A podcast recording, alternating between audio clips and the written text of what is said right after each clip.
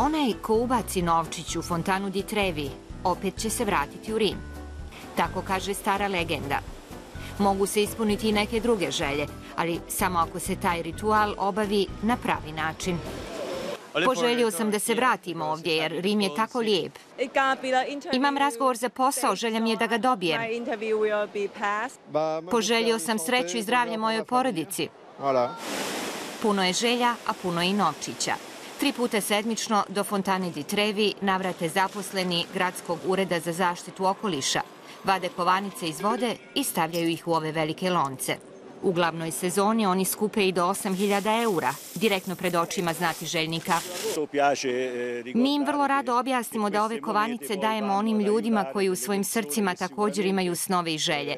Ljudima koji bi također htjeli u fontanu ubaciti novčiće, ali to sebi ne mogu priuštiti. Novac za siromašne završi ovdje, na velikom stolu organizacije Caritas, gdje se probrojava. Fabricio Narhioni i njegov asistent već godinama broje kovanice iz fontane Di Trevi. Najprije ih očiste, odvoje veće komade novca i sve druge skurilne stvari koje pronađu. Neki su novčići zapakovani u cijela pisma.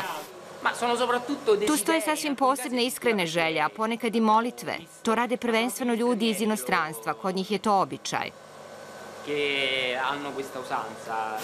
I onda se kreće s brojanjem. Tokom prošle godine iz vode su izvadili milioni četiri hiljada eura i podijelili ih siromašnim rimljanima.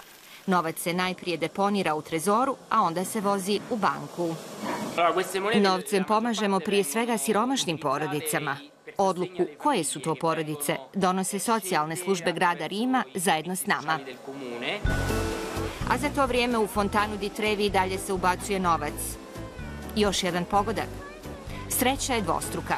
Ispuni se želja i učini dobro dijelo.